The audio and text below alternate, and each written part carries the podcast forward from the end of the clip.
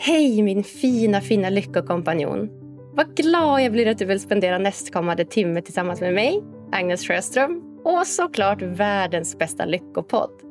Att sprida kunskap och inspiration om hur du med små enkla medel kan påverka ditt egna välmående till det bättre. Ja, det är något som jag själv brinner för och nu vill jag dela med mig av det till dig också. Ja, jag har precis kommit ut ur min coronakarantän här eh, som jag haft under januari och tagit mig tillbaka till Umeå efter nästan två veckor i fjällen. Ja, jag klagar dock inte på pudret som har dumpat ner från himlen och snowboardåkningen har varit bättre än någonsin uppe i Hemavan. Ja, trots att jag älskar snowboardlivet mer än allt annat så känns det skönt att vara tillbaka i stan för ett tag. Jag sitter faktiskt på PN-kontoret idag. Ja, jag jobbar också som konsultchef på Professionals Nord på 50 och här på sidan av podden. Så idag slog jag mina två fantastiska jobb ihop och Lyckokontoret fick besöka PN-kontoret. Så roligt!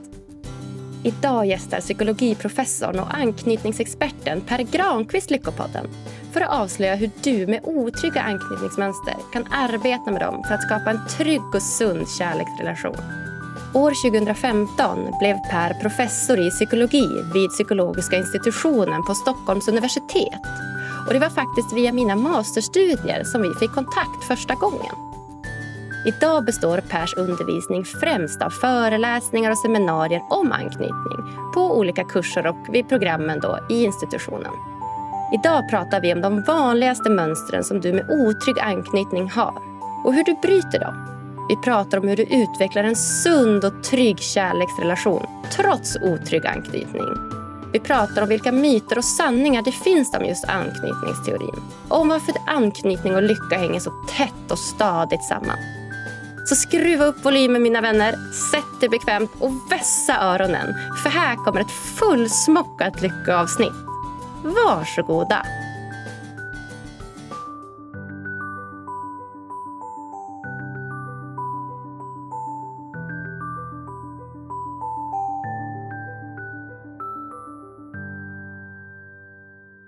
Är det min tur att säga hjärtligt varmt välkommen till Lyckopodden Per Granqvist.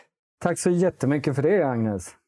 Wow, Per! Kul att ha dig här, min gamla SU-lärare. Ja, precis. Vad roligt att se dig också och att du driver en podd som är så intressant.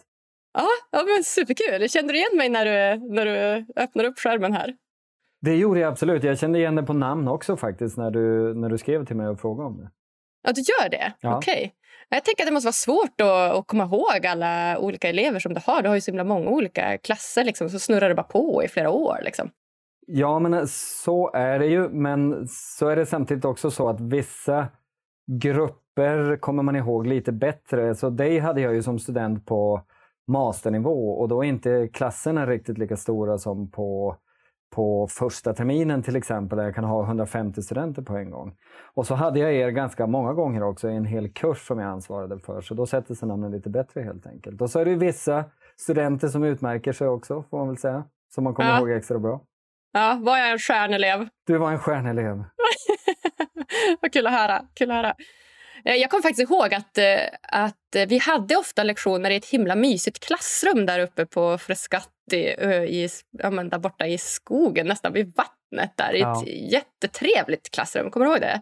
Jag kommer ihåg det väldigt, väldigt väl och saknar det klassrummet. Institutionen har ju flyttat nu. Så mm. nu är vi belägna, visserligen i jättetrevliga lokaler också, men mycket mer så här hypermodern miljö på andra sidan Roslagsvägen. Så klassrummet som vi var i, det var ju ett sånt här mysigt gammalt eh, rum från typ 1930-talet med en öppen spis och så vidare i ena änden av rummet. Så klassiskt så här större seminarierum. Det var underbart att vara där tyckte jag. Ja men verkligen. Och det var inte de här klassiska två och två-bänkarna utan det var liksom ett långbord som alla satt runt. Och vi hade som en himla fin gemenskap och det fanns några skinnsoffor längs väggarna kommer jag ihåg, där man också kunde sitta. Det var så trevligt. Och grejen är att jag bokade in det rummet trots att jag visste att ni var för många egentligen för att få plats ja, där inne. Ja. För att jag ville få till det där. Jag är väldigt förtjust i seminarierum som är overcrowded så att man egentligen inte riktigt får plats där inne. Man måste göra någon slags ansträngning för att vara där och komma överens och så vidare. Det ska vara en slags trängsel fysiskt tycker jag för att man ska trivas riktigt bra eh, i en sån situation. Det, det, det, är lite jobbigt med de här kala, sterila miljöerna som börjar dominera överallt nu, inklusive universitetsvärlden. tycker jag. Mm, mm. Ja, vad kul ändå att du, att du lade märke till det och att du faktiskt bokade in det trots att det var för många. Jag gillade också det. Man fick sitta och trängas på de där sofforna och man kom lite sent och, eller trycka sig in mellan stolarna där vid bordet. Det var supertrevligt. Och vi, vi var det känns som att alla blev så förtrollade i det här klassrummet och bara liksom lyssnade så intensivt på liksom det du hade att säga. Det var så ja, men, trevlig stämning på något sätt. Jag älskar den där kursen. Det ah. kan vara bra för, för lyssnaren att veta om vad det handlar om. där. Det, det är liksom filosofi som vi diskuterar på den kursen. Ah. Eh, och psykologins historia. Rätt mycket kretsar kring historia som går långt tillbaka innan psykologi tillkom som vetenskap. Så vi reflekterar väldigt brett på psykologins filosofiska historia i, i förhållande till delvis religiösa frågor och allsköns olika typer av filosofiska problem. och så där. Det är en, det är en ja. väldigt trevlig kurs tycker jag också. Ja men verkligen. Och just den filosofiska biten att vi alla satt liksom med våra egna små tankar som vi fick dela med varann. Och jag kommer ihåg hur jag började skriva något arbete där om just lycka och dök in ganska djupt i det och i liksom tidigare ja, psykologiska personers upplevelser. och så. Det var, det var en jätterolig kurs, verkligen. Det, ja, bra. Ja, så kul. Ja, men idag ska vi dyka in i någonting annat. Och jag är jätte, jätteglad att du är här, så tack snälla för att du tog dig tiden. Absolut, mitt nöje. Mm. Ja, härligt. Jag vet att vi ska prata om ditt expertområde idag. Vi ska prata om en av mina favoritteorier här inom psykologins värld och det är ju nämligen då anknytningsteorin. Och vi pratade om det här lite tidigare, att det är verkligen en teori som har exploderat i gemene mans mun, tycker jag. Håller du med? Ja, jag håller verkligen med. Jag kan säga att jag har hållit på med anknytningsforskning ganska länge nu. Jag började som doktorand i mitten på 1990-talet. Och på den tiden så visste nästan ingen vad anknytningsteori var för någonting. Det var en teori som var förknippad med små barns utveckling, Höll man på med utvecklingspsykologi så hade man lite koll på det. Men höll man på med något annat så hade man ingen aning om det. Så jag fick ju alltid då berätta vad jag höll på med om det inte var så att det var med mina kollegor som jag pratade. Nu tror sig alla veta vad det handlar om och har ganska bestämda uppfattningar om det också. De flesta väldigt förtjusta i det de tror sig veta om teorin. Enligt min uppfattning så är de allra flesta också ganska förvirrade. Det vill säga de tror sig veta saker som inte riktigt överensstämmer med vad teorin som akademisk teoribildning egentligen innebär. Varför tror du att den har blivit så populär i folkmun? Jag tror att det är för att den ligger nära sånt som är väldigt betydelsefullt i människors liv. Eh, alltså nära relationer eh, och, eh, och de känslor som är förknippade med nära relationer. Det är någonting som vi alla kan relatera till helt enkelt. Mm. Ja men verkligen, du har helt rätt. Och relationer vet vi har en väldigt stark sammankoppling till just lycka. Så att, eh, det är väl det också att folk vill lära sig att må bra. Och Det känns som att för vissa kommer det väldigt naturligt att, att skaffa relationer och kärleksrelationer och partners. Och för vissa är det liksom kämpigt och det kan nästan bli jobbigt att man har gamla mönster som man inte vet om och som man har fått långt sedan tidigare och, och ändå inte lyckas liksom skapa de här relationerna som man kanske egentligen vill ha. Mm, så, precis så. Ja. Ja, men vi har ju som sagt eh, pratat om den här teorin lite tidigare i podden och det är ju också lyssnarnas favoritteori. Det märker man verkligen på lyssnarantalet här på eh, mina avsnitt då, som vi har släppt. Men jag tänker för alla, alla nya lyssnare som inte har hört talas om anknytningsteorin. Om du skulle vilja ge en liksom snabbare recap, vad är anknytningsteorin? Det är en teori i grunden som, som man ska förstå som en evolutionär teori. Som handlar om eh, en typ av beteende som eh, små ungar i olika arter uppvisar i förhållande till sina omvårdnadspersoner. Vi kallar de beteendena för anknytningsbeteende eller närhetssökande beteende som finns hos väldigt många djurarter, inte minst hos däggdjur. Då. Och teorin kretsar kring hur man ska förstå att det här fenomenet, att vi knyter an till våra omvårdare, har utvecklats under evolutionens gång. Och sen är det mycket i forskningen kring den här teorin som har kommit att kretsa kring individuella skillnader i hur man knyter an, hur man organiserar sina anknytningsrelationer när de väl har utvecklats. Och också mycket av forskningen som tittar på konsekvenser för individens utveckling av vilken typ av anknytning man har helt enkelt.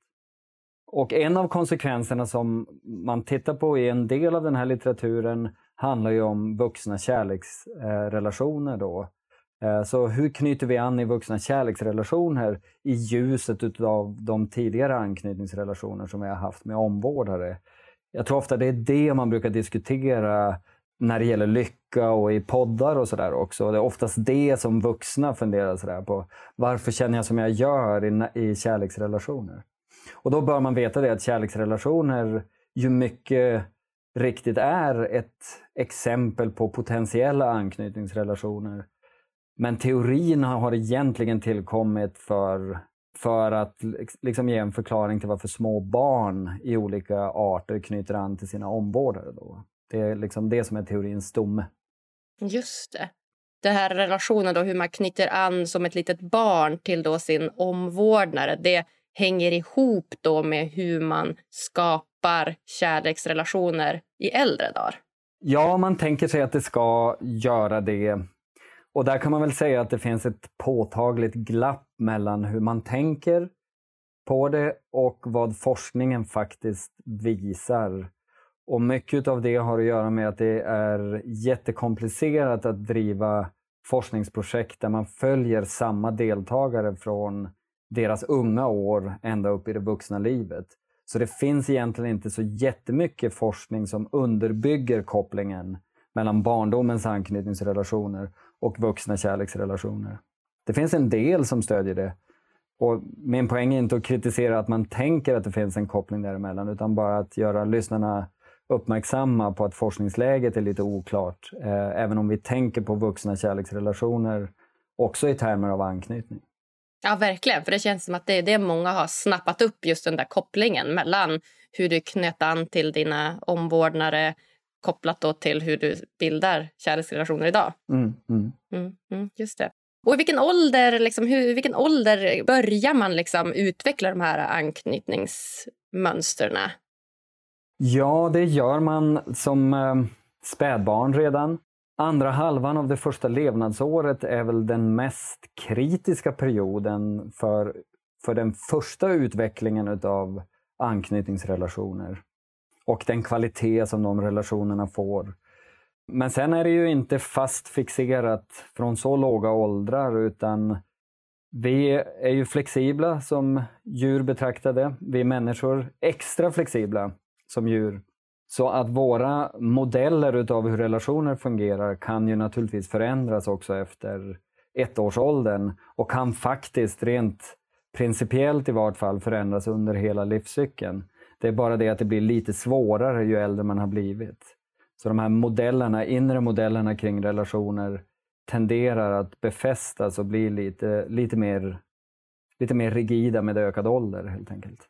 Just det. Ja, precis. Spännande. Ja, det är något som, som hänger med oss från tidigt, tidigt, tidig barndom, då, så det första levnadsåret. där. Så det, ja. Hänger med oss, men ganska ofta ändå i modifierad form eftersom att det kan ske ganska mycket förändringar eh, under hela barndomen. Så att man ska vara medveten om att de här modellerna faktiskt också kan förändras och ganska ofta gör det.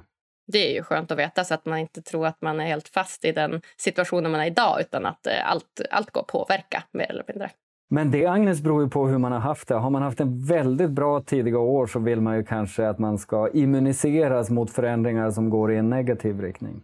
Eller hur? Så är det ju. Så är det, det har du rätt i. Men jag tänker att de flesta av oss har väl ändå varit med någon gång i livet om en situation där kanske relationen inte har slutat så bra. tänker jag. Alltså man har haft en förälder eller någon tidigare partner. eller man har oftast, Alla har väl känt på lite någon slags sorg kopplat till relationer. Jag tror det. Jag tror att de flesta av oss har gjort det. Absolut. Och eh, Det kan ju vara i, i vissa vissa fall så är det inte fråga om att man har blivit sviken eller varit tillsammans med någon som har varit otrygg. Men säg att personen dör till exempel. Och det är ju ett slags anknytningsrelaterat trauma då, om det är en närstående person. Så det tror jag du har rätt Ja, nej, men sant. Ja, men spännande Per, det märks verkligen att du kan det här ämnet. Du förklarar det på ett väldigt enkelt och bra sätt.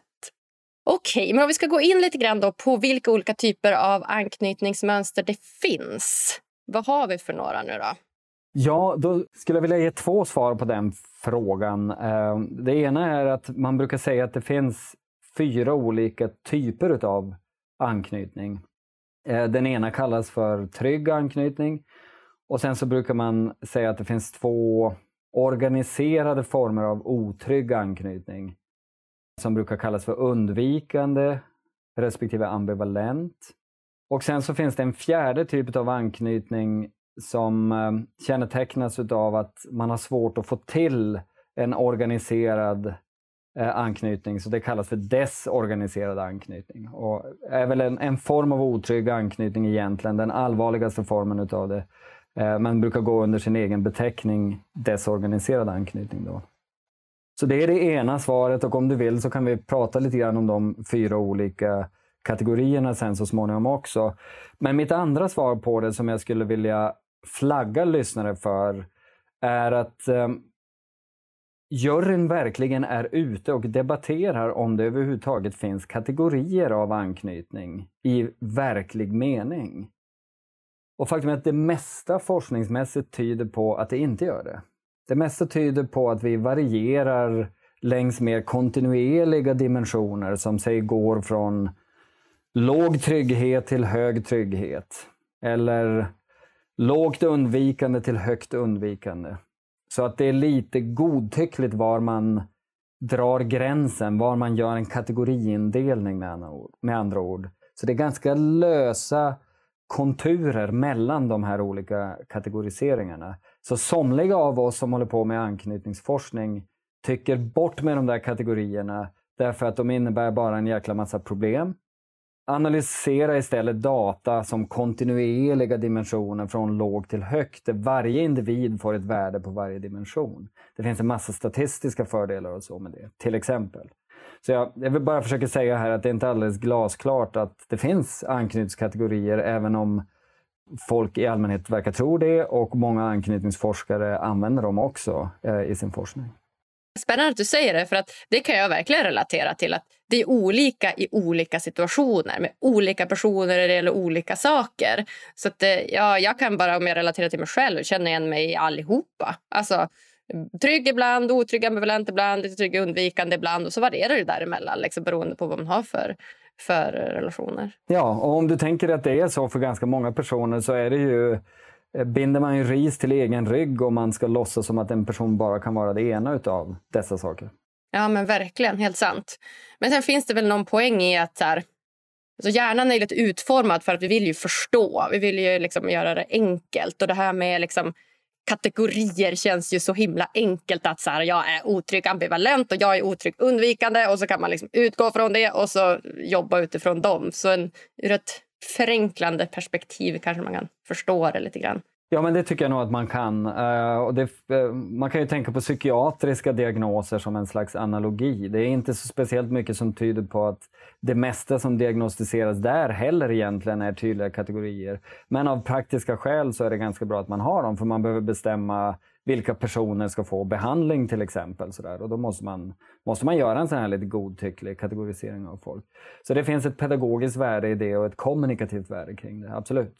Ja, men jag tycker ändå det är bra att du slår ett slag där för att, eh, att alla individer kan vara någonstans på den här skalan. Det tror jag är, är, viktigt att få ut till lyssnarna också så att de förstår det. Att det kan vara olika olika situationer och som du säger, det kan vara grader av de här olika och sen finns det ju naturligtvis i, eh, om man tänker sig en, eh, hela befolkningen eller en större grupp av personer, så finns det ju kanske en 30-40 procent eller något sånt där som väldigt tydligt motsvarar ett mönster. Bara det att för resten av personerna så är det inte riktigt lika klart. Det är lite mer flytande. Va? Just det, just det. Ja, men, bra där. Ja, men om vi ska gå in på de här fyra eh, typerna då av eh, anknytningsmönster då, lite kort. Vad, vad innebär de här fyra olika delarna? Ja, det kan, ju, kan man ju beskriva på många olika sätt. Man kan beskriva vilka uttryck det tar, eh, tar sig hos små barn eller man kan beskriva vilka, vilka uttryck det tar sig i vuxna kärleksrelationer och så. Men jag tänker det bästa sättet egentligen att karaktärisera det är med avseende på hur man generellt sett förhåller sig till närhet och beroende i relationer. Och då kan man väl säga att trygg anknytning kännetecknas utav att man ser på sig själv som värd andra människors omvårdnad. Och man har en benägenhet att se andra personer också som att eh, de är relativt lyhörda. Man behöver inte skydda sig från dem utan man har positiva förväntningar på att de ska finnas där när man behöver dem. Så trygg anknytning kännetecknas av en slags grundläggande tillit eh, och tillförsikt om att relationer är positiva för en och ingenting man behöver skydda sig emot. Ja, spännande. Det känns som att man såg sig själv på ett bra sätt också. Att man tror sig själv vara värd kärlek. Ja, absolut så. Precis. Mm. Mm. Ja, snyggt. Och den typen av upplevelse av själv och andra utvecklas ju ganska naturligt hos barn som eh, eh vars signaler tas på allvar av deras omvårdare och där man lyhört bemöter deras anknytningsrelaterade behov och så. De kommer att se sig själv som värda den typen av bemötande och kommer också så småningom börja se andra personer i detta ljus också som, som potentiella resurser som man inte behöver skydda sig mot. Ja, snyggt. Och de andra, de två otrygga delarna, då, hur utspelas de då i sociala sammanhang? Så? Ja, vi kan börja med undvikande anknytning. Det kännetecknas mer av ett sånt här defensivt, att man förhåller sig defensivt till närhet och intimitet i relationer. Så istället för att till exempel signalera sårbarhet så låtsas man att allting är okej okay och man begär inte andra människors stöd i situationer där man egentligen skulle kunna behöva det och så vidare. Så man agerar som att man är självsäker och oberoende i ganska hög utsträckning. Vi brukar ibland beskriva det som en minimerande anknytningsstrategi för att personen liksom minimerar sin uppmärksamhet mot anknytning och istället så har de här individerna ofta fokus på annat som rör utforskande, arbete, materiella ting och så vidare.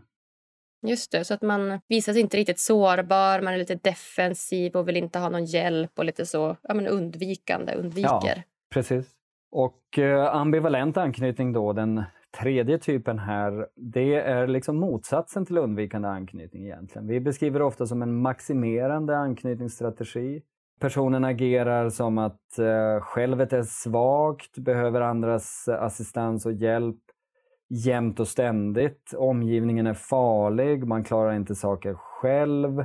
Men det brukar ofta varvas också med att man är arg och besviken på sina partners eller anknytningspersoner som inte gör tillräckligt för en och sådär. Så å ena sidan agerar hon som att de behöver räddas av en annan person liksom, eh, i någon mening. Å andra sidan så ser de det som att den andra personen kommer till korta i en mängd avseenden. Så därför tenderar det att bli ganska klängiga och kvävande typer av relationer.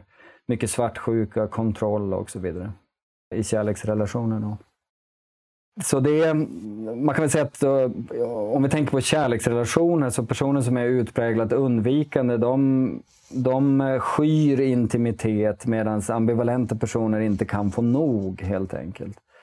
Undvikande personer kanske framförallt är intresserade av sig sex eller rekreation eller någonting i stil med det, men inte intimitet. Medan det kan vara svårt för en ambivalent person att, att göra något annat än att vara i en liten bubbla tillsammans med sin partner. Om man ska hårdra det hela. Spännande. Så det är varandras ytterligheter på något sätt? Ja. På sätt. ja. Mm, mm. Och den sista där, desorganiserad? Det är den, eh, den, udda kategorin som är ganska svår att beskriva så här abstrakt. Men om vi tänker oss i, i barns liv så studerar man desorganiserad anknytning som att de visar väldigt motsägelsefulla eller rädslofyllda beteenden gentemot sina omvårdnadspersoner. Men om vi tänker på kärleksrelationer, eh, då brukar den, den typen, motsvarigheten till den kallas för fearful avoidant på engelska, eller räddhågset undvikande. Så det är personer som är motsägelsefulla på så vis att de å ena sidan verkligen begär och upplever att de behöver närhet och intimitet. Men när de kommer i närheten av det så blir de samtidigt också rädda för det så att de undviker det. Så de har svårt att utveckla en strategi som fungerar.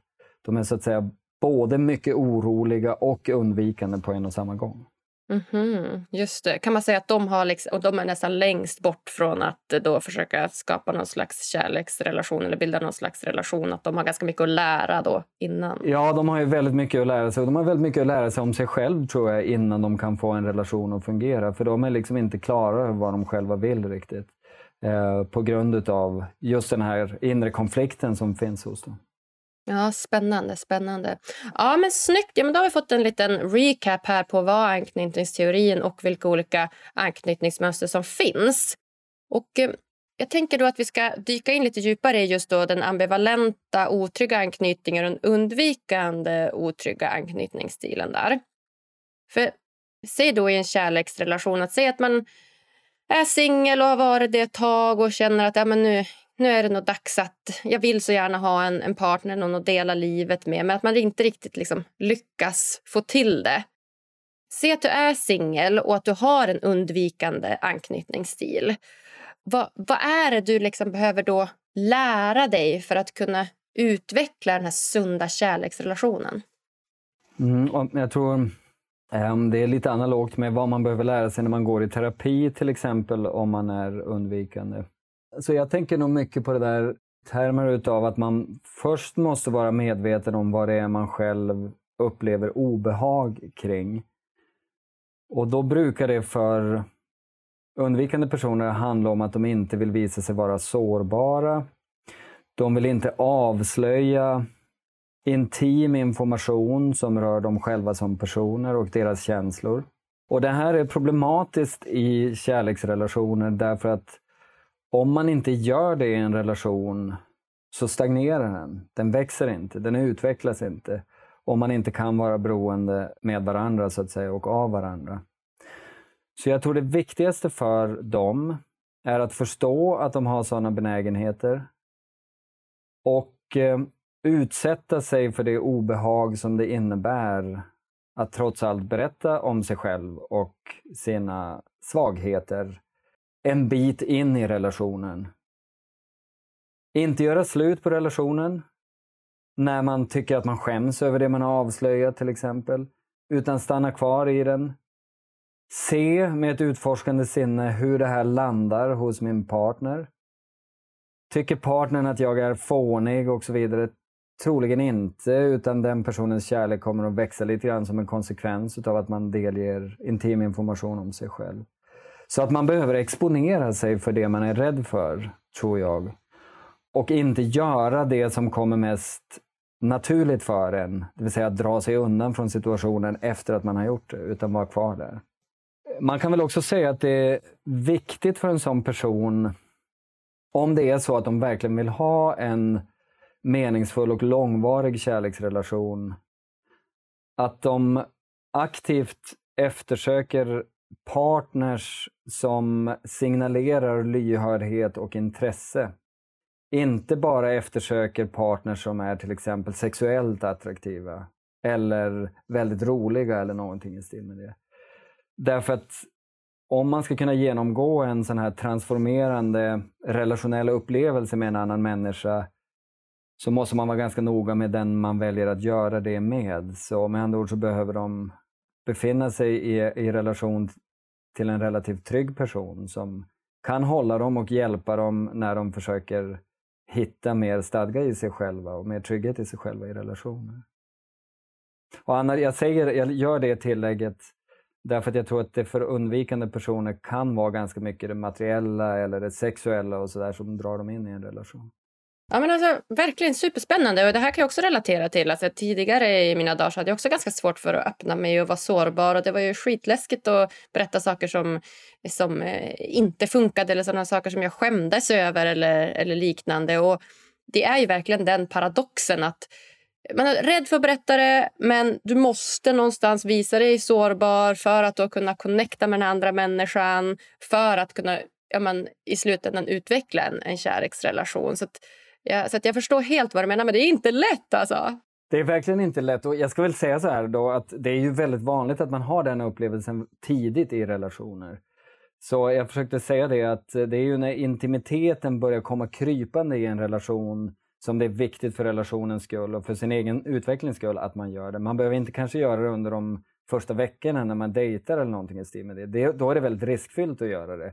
För då kanske man avslöjar information innan den andra har hunnit börja bli förälskad i en och då kommer de att lämna en för att man verkar vara no good helt enkelt. Eller hur? Eh, så att, eh, alltså det, det, vanligaste som människor gör är att de ligger lite lågt med sina tillkortakommanden till en början och eh, underförstått egentligen då marknadsför sig själva. Så det är först när man har fått den andra lite högt som man kan börja avslöja mer intim information om sig själv. Och också viktigt att man gör det tror jag. Ja, ja men exakt. Och de här sa du, de är lite mer generellt sett då, lite mer intresserade av materiella och kanske liksom mer sexuella relationer än den här djupa kommunikativa relationen, eller? Ja, jag tror det.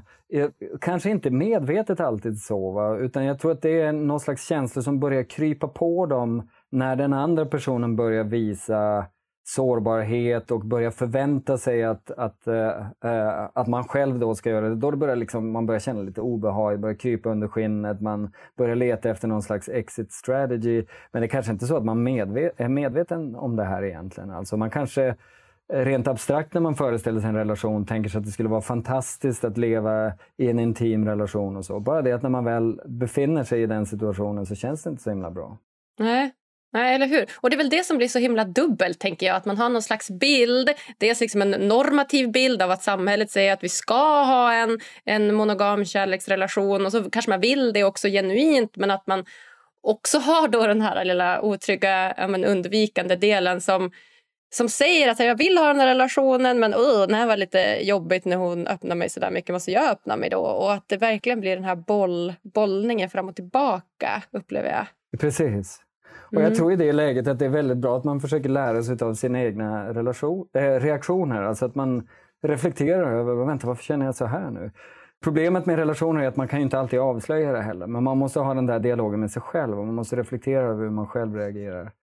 Det kan vara lite svårt att säga naturligtvis därför att det riskerar att skrämma bort den här andra personen också. Eh, till en början. Men det är bra om man kan prata om det. Och kan man inte göra det med den personen så kan man kanske ha vänskapsrelationer eller terapeutrelationer där man kan göra det.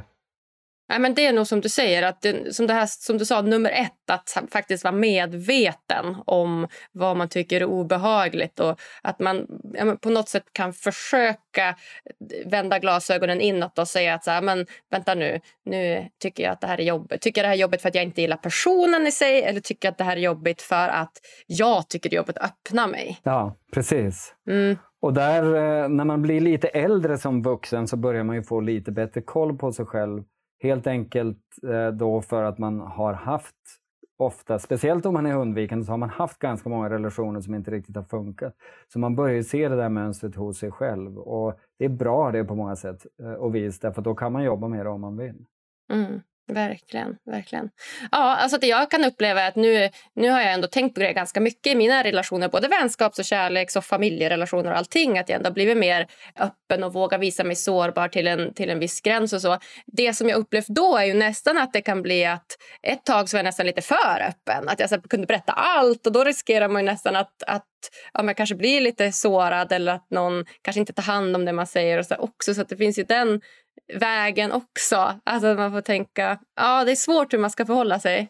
Verkligen. Ja, nej, men alltså, och det är väl det som gör relationer och intima relationer speciella. Där ska man ju kunna ha den här arenan där man gör det. Men man behöver ju inte göra det odifferentierat till kreti och pleti runt omkring sig. Inte för att det med nödvändighet behöver vara ett problem när vuxna gör det. Det kan vara lite mer besvärligt om barn gör det. Så där vänder sig till hela världen som potentiella anknytningspersoner är inte alltid så bra för, i barns utveckling så att säga. Eh, men jag tror eh, relationer är arenor för reparation av sig själv och för personlig utveckling. Jag tror man ska se på dem så. Eh, snarare än att se dem som arenor som man ska skydda sig ifrån. Alltså man kan utforska dem, man kan lära sig väldigt mycket och man kan uppleva otroligt mycket fina saker i relationer. Eh, den inställningen så ska man nog ha till dem tror jag. Mm, det är nog helt sant att man ser det som en, en lärdom istället för en rädsla. Ja. Egentligen. ja. Mm. Ja, just det. Så sammanfattningsvis då, om du är liksom, ja, singel och varit det ett tag och vill ha en kärleksrelation och ha en undvikande anknytningsstil så ett, försök bli medveten om dina mönster, vad du tycker är obehagligt. Nummer två, utsätt dig för det lite grann ibland. Ja. Precis. Och nummer tre, se till att eh, du väljer ut en partner som det finns goda skäl att tro att de ska kunna ta hand om det här på ett ganska bra sätt också. Just det, exakt. Att man kan se de potentiella egenskaperna då, positiva hos en partner så att den kan ta hand om en själv i det. Mm. Och Det kan ju vara svårt att veta naturligtvis. Eh, det står inte alla fritt att få vem som helst heller. Men man dejtar ju ofta en del innan man eh, definierar sig som ett vi. Så det är ju ett tillfälle att, att uh, kolla sådana saker då. Mm. Mm. Ja, men helt sant. Spännande. Ja, ja men ska vi hoppa vidare då till den ambivalenta? Eller vad säger du? Det kan vi göra, absolut. Ja, dyker vidare. Och, ja, men jag ställer samma fråga där egentligen. Du, du är singel, du har varit det ett tag, du längtar efter den här kärleksrelationen. Men du har en ambivalent anknytning. Vad behöver du då lära dig för att utveckla en sund kärleksrelation? Ja, det här är ju personer som ofta då, om de är singlar, känner en förtvivlad stark längtan efter att träffa någon annan som kan rädda dem ifrån sig själva och ensamheten och så. Jag tror att eh, de personerna också efter ett antal relationer går och känner en rädsla för att nästa relation ska få lite liknande typer av problem som de föregående har haft. Och även där är det viktigt då att, att reflektera över självets bidrag till de problem som har funnits i tidigare relationer.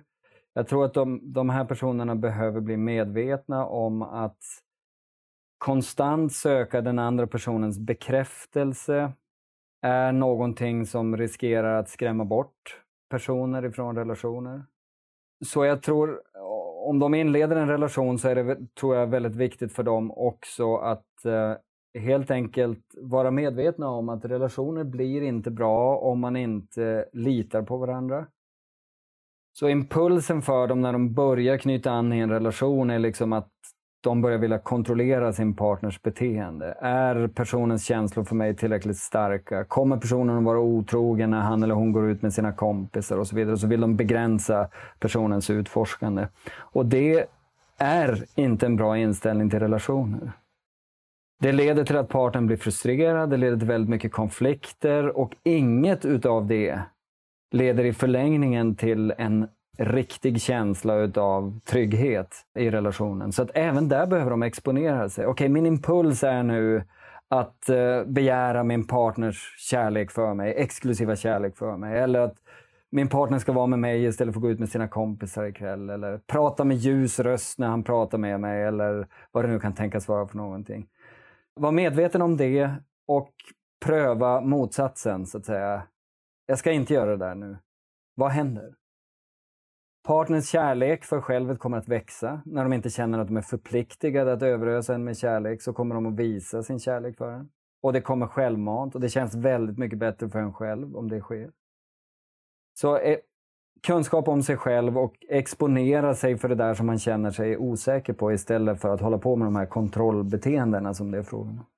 Ja, så bra. Verkligen. Ja, jag, jag, kan också relatera till det här på ett eller annat sätt. egentligen. Att När man någon, någon gång har varit liksom osäker och känt liksom osäker i en, i en relation och ja, men hur, hur man vill ja, men kanske ha bekräftelse från någon och så får man inte den här bekräftelsen och så sen vill man egentligen bara hallå, du vet, skaka om någon och bara ge mig den och sen så ska man egentligen göra helt tvärtom. Att bara så här, men behöver jag det här just nu? Jag är bra som jag är. Och att man inte då behöver lägga det ansvaret på partnern. Mm. Att så här, partnern, min partner behöver bekräfta mig för att jag ska vara en bra person. Mm. Utan att jag är en bra person och jag kan bekräfta mig själv. Ja, precis. Mm. Och, och, även för, för de här personerna så tänker jag att det, det är lite viktigt att eh, bestämma sig för vem man kärar ner sig i också. För att vi människor har den här lite perverterade benägenheten att söka upp personer som bekräftar våra förväntningar på oss själva. Så om man då är rädd för att bli övergiven så har man ofta en benägenhet att söka upp personer som faktiskt också kommer att göra det. Mm -hmm. Det var ju inget bra. Nej, det är ju inget bra. Så att man lite, man analytiskt i samband med eh, dating och sådär eh, kollar eh, ordentligt så att den här personen som man är på väg kanske att bli förälskad i, att man faktiskt frågar sig om det här är en person som verkar trygg och som förtjänar ens tillit. Mm. För återigen, ska man kunna komma till rätta med sina egna problem med relationer så vill det sig att man gör det tillsammans med en person som klarar av det. Då, va? Ja. Eh, och jag tror att man kan säga både för undvikande och ambivalenta personer att det är bra om de kan gänga ihop sig med en person som, är, som har relativt trygg anknytning. Och som kan hjälpa och hålla dem genom de här initiala svårigheterna som, som kommer att, att, att finnas. Mm. Ja, men det är faktiskt jättebra, för det där kan ju vara supersvårt. För det är ju, där pratar vi någonstans om att dels så du ska försöka att inte kära ner i en partner men det kräver också att man har ganska mycket kontroll på sina känslor då. Ja. Och i det här också då analysera som en slags logisk tanke också. Att så här, rent kanske göra någon papper och penna och skriva ner. Alltså, är det här en bra partner rent logiskt? Men sen kanske man är superkär. Så där är ju hur tänker du där, liksom, den balansgången? Nej, men det, det är ju en, sån väldigt svår, det, det, är en svår balansgång, och det, men det är samtidigt en balansgång som vi människor får, får leva med om man själv är trygg så är det kanske inte så himla noga. Man kanske inte behöver artikulera de sakerna så mycket. För man har en benägenhet att falla för andra personer som verkar relativt trygga då. Och då blir det för det mesta inte ett stort problem av det här. Problemet är om man själv är otrygg. Att då har man en benägenhet kanske att falla för fel personer från första början. Då, va? Vilket gör att man inte kommer till rätta med sin, med sin otrygghet. Och jag tror att det, det är bra för de allra flesta människor att vara selektiva när det gäller vem man investerar i eftersom om man tänker sig en monogam relation, det är ju någonting som håller under väldigt lång tid och som gör att man helt enkelt inte kan ägna sig åt, eh, åt andra partners under tiden, eh, om man inte har ett öppet förhållande då naturligtvis. Eh, men så, och vi har ett problem då och det är att när man väl börjar ha mycket sex med en annan person, mm. upprepad sex, man producerar väldigt mycket oxytocin och andra typer av hormoner med den här andra personen så finns det en benägenhet att vi blir förälskade i dem. Kanske till och med också i vissa fall att man börjar tycka att de är bäst i världen och så vidare och den här personen har inga, inte samma problem som mina tidigare partners hade och så vidare. Och det där är på, på många sätt och vis ett fysiologiskt drivet illusoriskt tillstånd som kommer att gå över i de allra flesta fall. Viktigt då att man innan det infinner sig är analytisk kring det hela och frågar sig är det här en bra person att ha det här illusoriska tillståndet med? Ja, inte, liksom. Verkligen. jag tror det, där finns det nog ändå ingen räddning. Man måste också vara lite analytisk och smart när det gäller vilka relationer man investerar i. Ja, ja men verkligen. Det, det, där är ju någon form av förälskelse slash kärlek när man är inne i den här cocktailen av en massa må bra-hormoner, bland annat oxytocin. Och man, ja, personen har inga problem. Alltså, den har inga fel. Det är en helt perfekt person. Så bra, kan allt. Eh, ser inte de där sockarna som ligger slängda på golvet eller det där eh, lånen som han har på... Det. Jag vet inte. Man, man, bara, helt, eh, man blir, stänger helt av allt som är negativt och bara tänker på det positiva. Så det är ju fantastiskt och lite farligt. Det är, precis. Det är fantastiskt och lite farligt. Det är en bra sammanfattning. Man behöver det för förälskelsen som i sin tur är en viktig ska vi säga, mm, grundbult för investering i relationen. Eh, men man kan så lätt gå vilse också. Mm, verkligen. Och jag tänker någonstans den här, just den här ambivalenta personen, det känns som att den den söker så mycket, eller anknytningsstilen, den söker så mycket bekräftelse utifrån sig, alltså utanför sig själv på något sätt. Att den, eh, ja, men rädslor och den liksom litar inte riktigt på sig själv och vill ha någon annan som räddar en och hela den, den biten. Så där så upplever jag verkligen att man får vända tillbaka blicken till sig själv och bara, jag är bra som jag är, jag duger som jag är och där, att det grundas i någon slags självkärlek på något sätt. Ja, ja, ja, precis, precis. Och det är ju inte så lätt att göra i sin ensamhet heller. Så att jag, jag kan nog tänka mig att det är lite lättare med de här exponeringsgrejerna för en undvikande person. Mm. Faktiskt, för de behöver bara ta sig igenom lite upplevelser av att de vill dra sig undan. Om de då inte gör det så kommer det förmodligen få ett ganska bra eh, bra slut för dem. Det är lite mer komplicerat för personer som är ambivalenta och känner att det är något, något fel eller de klarar sig inte riktigt själva. Så det kan vara, det kan vara bra för, för personer som har påtagliga eh, tendenser eh, till ambivalens. Då, alltså att man till exempel har en terapirelation eller något annat som hjälper en att, eh, att ta sig igenom andra relationer.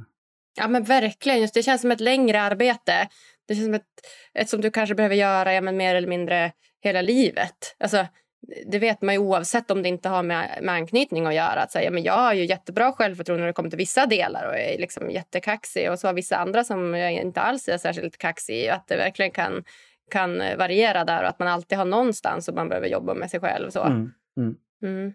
Ja, spännande. Och vart, om vi går in just på den ambivalenta, vart kommer den... Alltså vad har den exponerats för som liten för att utveckla det här just ambivalenta mönstret? Där ställer du en fråga som, som är jättebra och jag skulle kunna ge bara eh, det teoretiska svaret på frågan och agera som om det var alldeles glasklart. Men faktum är att vi vet väldigt lite om det forskningsmässigt. Och det har att göra med att motsvarigheten till ambivalent anknytning hos små barn är ganska ovanligt. Det är ofta sådär bara 5-10 procent av barn eh, i en normalpopulation. Medan undvikande anknytning är ungefär dubbelt så vanligt. Så det finns fler barn då i varje studie. Och sen så tror jag andra skälet till att vi vet lite om bakgrunden till ambivalent anknytning är, eh, är också att vi tror att det handlar om inkonsekvent lyhördhet från föräldrarnas sida. Så att föräldrarna ibland kan vara lyhörda gentemot barnet, vilket betyder att barnet då helt enkelt får det här som det efterfrågar. Men ganska ofta inte lyhörda. Alltså till exempel eh, negligerande eller väldigt upptagna med sig själva och sådär. Och förälderns beteende kan vara lyhört, det kan vara motsatsen och det är inte barnet så att säga som genom sina signaler så tydligt aktiverar förälderns beteende utan om föräldern vill ha kärlek så kan den vara lyhörd mot barnet. Om föräldern är intresserad av något annat så är de det inte. Så barnet behöver då ta ansvar för att reglera förälderns uppmärksamhet. Och för att få den så behöver de ofta bryta igenom genom väldigt mycket gnällande och gråt och så vidare för att föräldern ska ja, men sluta vara uppmärksam, eller bli uppmärksam på barnet och sluta vara uppmärksam på annat helt enkelt. Och, och, Det är lite komplicerat att forska på därför att det betyder att man behöver observera en och samma förälder i flera olika situationer och vid flera olika tillfällen och det har man väldigt sällan gjort. Så det finns lite begränsat forskningsmässigt stöd för den här teoretiska idén om att det, att det är inkonsekvent lyhördhet som det är frågan om. Men det finns en del stöd för det. Sen finns det också data som eh, faktiskt pekar på att barn med ambivalent anknytning eh, Eh, också kan ha lite temperamentsmässiga avvikelser, så en slags genetisk sårbarhet eh, också. De, de tenderar att ha lägre trösklar för negativa reaktioner mer irritabla under första levnadsåret och så, enligt viss forskning. Så någon slags kombination av läggning och inkonsekvent lyhördhet från föräldrar skulle vara mitt bästa svar på det. Ja, nej, men jag hör dig. Vad spännande. Det låter ju som att det kan hänga ihop då rent liksom från, i min hjärna. Att har du en förälder som är som du säger, väldigt inkonsekvent i lyhördheten att ena sekunden får du det du be behöver och andra sekunden får du inte det och du behöver då utveckla strategier som barn för att få den här uppmärksamheten och på något sätt då kunna kontrollera den här personen eller göra så att den ger dig det du vill ha så ja. känns det som att man blir väldigt fokuserad på, den, på de yttre faktorerna ändå. Ja, precis, precis. Mm, mm. Och självet, självet blir, är lite ineffektivt helt enkelt. Så man kommer mm. se sig själv som att man inte klarar av saker i livet. Liksom. Ja men precis, exakt. Att, uh, att någon annan ska ge mig det jag behöver. Att jag klarar mig inte själv. Liksom. Mm, mm. Ja, så spännande. Men alltså, om du fick då göra någon så här, eh, en studie. Nu går jag tillbaka till, till akademiska Agnes här. För det är som du säger, att det kan ju vara svårt ibland att utforma studier eh, som ja, man kan svara på alla de här frågorna nu som jag har ställt dig. vad säger egentligen forskningen? Att dels hade man velat göra kanske någon då längre studie, alltså longitudinell studie där man följer då både barn och vuxna under en, en ja, men, flera, flera år för att se hur de utvecklas. Och, om du fick göra liksom, designa en så drömstudie eh, utifrån då, liksom, ja, men anknytningen och, och, och kärleksrelationer och kunna liksom, ja, verkligen göra en riktig ordentlig vetenskaplig studie. Hur skulle du liksom, designa den då för att få svar på såna här frågor? Vilka frågor tänker du på mer, mer precis? Då? Om, om, om varför de olika typerna av anknytning utvecklas? Eller? Ja, men, ja, men exakt. Antingen varför de utvecklas eller Eh, ja, men om vi tar det, varför de, varför de utvecklas egentligen ja. och, och, hur de, du kan relatera till kärleksrelationer i, I vuxet liv sen också. I vuxet liv. Ja, ja. Nej, men då, då, och, och the sky is the limit antar jag. Då skulle jag vilja ha en, eh, ett jättestort urval på, säg, några tusen blivande familjer. Det kan vara ganska bra att gå på eh, kanske på mödernet då så att man får gravida kvinnor till exempel. Då. Och eh, så skulle jag observera dem tillsammans med sina partners. Jag skulle intervjua både mamman och eh, pappan i den mån det finns en sån också om deras anknytningshistorik med sina föräldrar. Och så skulle jag följa deras vardagsliv och observera deras lyhördhet i samspelet med barnet när det väl är fött vid några tillfällen under det första levnadsåret. Observera barnens anknytning vid ett års ålder. Inkludera massa andra mätningar på barnen också naturligtvis som temperament och gärna någon slags genomscanning så att vi skulle få koll på genetikens eventuella betydelse i det här sammanhanget. Följa barnen upp till eh, vuxen ålder. Titta på kamratrelationer, ungdomsåren och de första trevande kärleksrelationerna eh, och se hur det går. Då skulle man vara i en väldigt bra position att svara på de här frågorna eh, om man gjorde det. Men det är också en studie som skulle vara lite större än min akademiska karriär om man säger så, rent ja. tidsmässigt. Så man skulle behöva vara ett större team av forskare och gärna förmodligen i, an, i flera olika länder som gör det också så att man kan belysa eh, kulturens betydelse. Eh, och den typen av riktigt storstilade studier finns inte på det här området utan de studier som finns, de allra bästa, de kanske inkluderar 200 familjer eller någonting i stil med det som kommer från någon speciell typ av kontext. Vill man sätta sig in i den studie som jag tycker kommer närmast så skulle det vara en studie som Alan Strofe med kollegor eh, genomförde i Minnesota. Eh, där det var ungefär 200 familjer, fattiga familjer faktiskt. Så man kunde också studera riskfaktorer i barns utveckling och så i det här sammanhanget.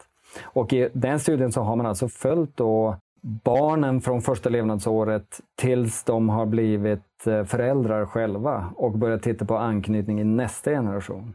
Mm -hmm. Så man har alltså mm. föräldrar, deras barn som växer upp och blir föräldrar och så tittar man på deras barn. Så det är tre, tre generationer. Ja, gud vad spännande. Det kändes som att man har kommit då, så nära som det går idag. kanske. Ja, ja precis. Men så, mm. den genomfördes på 70 och 80-talet framför allt. Det var då man gjorde flest datainsamlingar när barnen då var, var små i generation 2. Och Det betyder tyvärr också så att då får man lite mätningar av till exempel barnens temperament som inte riktigt anses vara state of the art nu, 20, eller 40 år senare. Liksom. Så det är problemet med longitudinella studier också, att de blir lätt daterade eh, baserat på progression som sker. Så att, eh, jag vet inte om jag skulle vilja leva med att göra en så stor studie, för man är liksom, om ni ursäktar uttrycket, lite fakt så att säga, eh, oavsett hur bra man gör det. Liksom. Ja, det är klart. Vad lurigt ändå. Mm. Men det är inte det som är det här främmande experimentet? Jo, men främmande experiment eller främmande situationen använder man ju ofta. Det är den, den, mest välvaliderade metoden för att bedöma barns anknytningskvalitet i åldrarna typ 12 månader till 20 månader, något sånt. Och den används i Minnesota-studien, absolut. Den används med både den används med mamman vid 12 månader och 18 månader. Så att de får två mätningar separerade i tid, vilket gör att de får mycket bra utgångspunkt också för att få mer solida bedömningar av anknytning där. Mm. Ja, den kommer jag ihåg att vi läste om. Ja. ja. Eh, och jag skulle väl säga nu också då att den studien är daterad också för att det är väldigt mycket fokus på just mödrarna. Mm. Eh, fäder har blivit eh, lite viktigare som omvårdnadspersoner för barn sedan dess i stora delar av västvärlden. Definitivt i Sverige. Så skulle jag göra någon sån här storstilad studie så skulle jag vilja titta på nätverk av anknytningsrelationer. Alltså inte bara barnets relation till mamman, men säg till mamman och den andra parten som kan vara pappa till exempel och eh, gärna någon tredje person också som faktiskt kan bli en anknytningsperson för, för barnen. Därför att man vet att en trygg relation som är relativt central i individens liv kan fungera som lite av en skyddande faktor mot otrygghet i andra relationer. Mm, just det, så det räcker egentligen med, med en central positiv upplevelse av en relation som man kan knyta an till? Ja, det skyddar i vart fall lite grann. Och, och, sen mm. så beror det väl lite grann på hur allvarliga problemen är i den andra relationen. Om barnet utsätts för övergrepp till exempel, ja då behöver man mer än en, äh, än en trygg relation. Då behöver man något annat, kanske lite hjälp också från terapi eller något sånt. Kan inte du skicka typ två, tre studier som du gillar just på, på det här ämnet som vi kan lägga med i beskrivningen så kan lyssnarna få, få läsa på om de vill? Ja, men absolut. Det kan jag göra. Ja. ja. Kul, kul. Snyggt Per! Gud så spännande. Det här är ju, ja, men jag tycker det här är bland det mest spännande som finns och jag hoppas verkligen att lyssnarna ska ha lärt sig mycket av det här också. Ja, hoppas. Jag tänker att vi dyker in här på de sista frågorna innan vi lämnar varandra. Och eh, den första frågan är då, vad gör dig riktigt lycklig? Ja du, vad gör mig riktigt lycklig? Eh, Jag brukar fundera på det ibland också. Ibland så slår lycka mig bara som någon, något, eh, något tillstånd som jag befinner mig i där jag känner mig ett med min kropp och eh, min uppmärksamhet är öppen och jag plockar in omgivningen runt omkring mig och ser, inte, ser inga problem. Det händer faktiskt ganska ofta för mig. Jag är lyckligt lottad på så vis. Jag är ibland lite osäker på varför det blir så, eh, just de situationerna. Men jag, tror, jag trivs väldigt bra med att få ha rätt mycket som händer i mitt liv. Alltså mycket kontakt med mina barn, eh, jag har fyra stycken, med min fru, intressanta forskningsprojekt som pågår, bra väder ute, ut med hunden, träffa på andra människor. Alltså en slags känsla av flow där saker flyter på bra utan en massa frustrerande intermesson. Det, det brukar jag känna mig lycklig, eh, lycklig av. Jag är lite så frustrationskänslig. Jag gillar inte när saker är, är komplicerade eller eh, man behöver spendera allt för mycket tid på dem. Jag gillar att liksom fysiskt vara igång på något sätt. Det mår jag som allra bäst Jag valde fel jobb tror jag. Jag tänkte precis det. Du är professor och jobbar med statistik och tunga forskningsprojekt och det ska inte få vara frustrerande. Och dessutom håller jag på med då filosofi och sådana där grejer som, ja. Eh, som lärare. Alltså, eh, ja, nej, det är ganska konstigt. Ibland är det så att ens läggning inte riktigt uh, matchar i förhållande till annat som man håller på med. Jag skulle nej. gärna vilja hålla på med musik ska jag säga också, för det gör mig lycklig mer än någonting annat. Men jag är ja. fruktansvärt omusikalisk så det var ingen bra idé det är eh, så? Ja, istället fick jag bli akademiker för det var, kändes som det bästa, det som, som jag hade mest fallenhet för. Men det betyder inte alltid att det är det jag tycker är roligast med andra nej, nej. Spännande! Vad hade du velat utföra för instrument om du skulle på med musik? Eller vill du sjunga? Eh, ja, alltså, jag, det var sång tror jag framförallt som var det som jag var intresserad av. Eh, och författandet av texter. Jag tyckte text och sång i kombination är, är helt fantastiskt. Har du gjort någon låt? Ganska mycket i unga år, men, eh, och det är väl en av mina största sorger i livet, vilket säger en del om att jag har haft ett skapligt eh, snällt liv så att säga, men att jag inte riktigt kunde göra någonting utav det där för att det helt enkelt inte var tillräckligt bra. Du vet, jag var med i ett band så här och mina bandkompisar, de kunde ju ta ut melodier och sådär. Och de kunde typ stämma en gitarr utan att de behövde en stämbricka och sådär. Medan jag inte riktigt kunde göra det.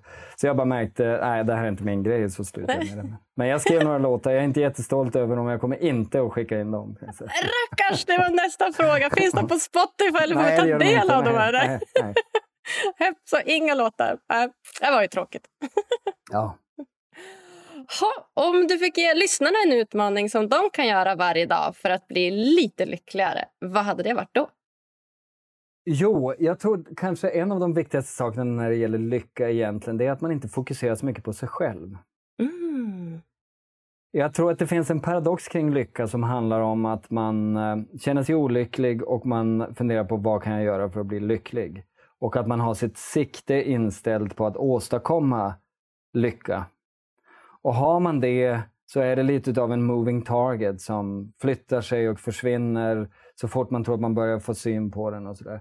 så jag tror att hemligheten för människor generellt sett är att de lever liv som är bra tillsammans med andra människor som de kan vara trygga och sårbara med. Inte tänker så mycket på sig själva. Men man lever ett bra liv så tror jag att lycka kommer ganska mycket som en naturlig konsekvens utav ett eh, liv väl levt så att säga. I relationer som fungerar och med uppgifter som är meningsfulla. Jag tror inte man så aktivt ska jaga efter lycka faktiskt. Nej, nej. Att det är mer något som, som men då kommer ju med att man fokuserar på andra saker då som relationer eller har någon uppgift som man brinner för eller liknande. Ja, precis. Och kanske gärna både och. Jag tror att eh, vi lever ju i en tid där man har möjligheter att leva ett ganska komplext och mångdimensionellt liv där man inte begränsar sina roller till en. Va? Utan, säg till exempel om man tänker sig att man ska bli lycklig om man får barn. Det går normalt sett inte så himla bra därför att barn ger en inte bara lycka, de ger en också en jäkla massa bekymmer och man blir trött och frustrerad utav dem och så vidare. Så det är jättebra att ha barn men ha också ett ett meningsfullt jobb och ha en meningsfull relation till, till jämnåriga och så vidare. Det är en bättre utgångspunkt tror jag för bestående lycka, att man inte lägger alla ägg i en korg helt enkelt. Mm. Vem på SU ska jag prata om eller någon, någon annan professor i Sverige när det kommer till lycka kopplat till barn? Har du något tips? Um, lycka kopplat till barn? Nej, jag faktiskt känner mig ganska osäker på vem det skulle vara. Jag antar att jag skulle kunna vara en utav dem, eh, naturligtvis. Mm. Kanske Per Karlbring som är vår professor i klinisk psykologi. Han håller på lite grann med relationsfrågor och sådär. Eh, men jag tror inte han har kollat så mycket på just barn. Men vi vet att eh, folks lycka minskar när de får barn. Mm, exakt. Jag har ju också hört det här och vi har pratat om det här lite grann och varit inne och nuddat på det mycket i podden. Och många ja, men, olika experter har pratat om just det här. Jag skulle vilja dyka in djupare i det och ja, men, prata med någon som faktiskt har forskat på det och som har lite koll. Ja, jag, jag får passa på det. Jag tror inte det är mm. någon som har så mycket bättre koll på det kanske än vad jag själv har. Men möjligen Mikael Dahlén som väl brukar mm svarar på ganska mycket frågor om lycka och läser lyckolitteraturen vetenskapligt. Han är på, professor på Handelshögskolan. Men jag kan väl säga kort om det att ehm, alltså, data är tydliga. Lyckan, eller känslan av tillfredsställelse med ens liv, som det väl nog är frågan om i de studierna, minskar efter att man har fått barn och ju fler barn man får desto mer minskar det. Så det verkar vara en sån här linjär dos-respons-relation. Kan återigen säga att jag har fyra barn. Jag känner mig absolut inte olycklig. Men mina barn har blivit lite äldre. Eh, och jag tror att man egentligen, för att utvärdera sådana där effekter, ska följa samma individer över tid. Därför att på ålderns höst så är det väldigt många som känner sig lyckliga när de reflekterar över sin vuxna avkommas liv, sina um, barnbarn till exempel. Och som också har regelbunden kontakt med sina vuxna barn och så vidare. Så man måste helt enkelt låta vissa perioder i livet vara tuffa för att man inte kortsiktigt fokuserar på att vara lycklig hela tiden. Så Lyckoprojektet tror jag, det, det är lite så här doomed to fail om man tar för mycket sikte på det. Man ska istället leva ett bra liv. Liksom. Eh, och då kommer ly lycka på köpet om man har lite tur. Det är nämligen också så att man kan ha genetisk känslighet för depression och annat som kan göra det lite svårare naturligtvis. Ja, Spännande. Ja, det där är ett ämne man skulle kunna grotta ner till alldeles nytt eh, poddavsnitt om just det här med lycka kopplat till barn och eh, ja, hur dubbelt det kan vara där. Ha, Per, då, om man vill komma i kontakt med dig, hur gör man då? Jag tror bästa sättet är att googla helt enkelt efter mitt namn som har udda stavning. Per med EH, P-E-H-R, punkt Granqvist och sen at psychology.su.se. Eh, maila mig är det bästa sättet så kan jag svara på det om det är någonting som är av intresse. Helt enkelt. Jag kan inte svara på alla mejl hela tiden men, men, men jag brukar försöka svara så bra som möjligt. Mm, strålande. Är det något så här slutligen som du känner att du vill dela med dig av till lyssnarna som du inte har fått säga än? En sak vill jag säga tror jag faktiskt och det är på tal om musik som jag missade att säga där tidigare. jag är så pass intresserad av musik att jag skrev en bok för ett par år sedan som kom ut på ett amerikanskt förlag som handlar om, inte jättemycket om anknytning i kärleksrelationer, men det handlar om anknytning i relation till religion och andlighet. Och den boken är så här sprängfylld med musikaliska referenser. En del av dem är utskrivna så att det är tydligt, men många av dem är dolda och sen så kommer den med en playlist på slutet. Och den playlisten finns ute på Spotify och Youtube om det är någon som är intresserad av det. Den heter Attachment in Religion and Spirituality. Och om ni ändå lyssnar på den så kan ni kanske bli intresserade av att läsa boken också, vad vet jag. Vad vet du? Det var ett fantastiskt bra tips. Då finns det ändå något att hämta av dig från Spotify där, Per. Ja, precis. Bra, Härligt. Bra. Ja, jag säger bara tack, tack, tack snälla Per för att du kommer gästa mig här på Lyckopodden. Tack Agnes, det var jättekul att vara med. Ha det så bra.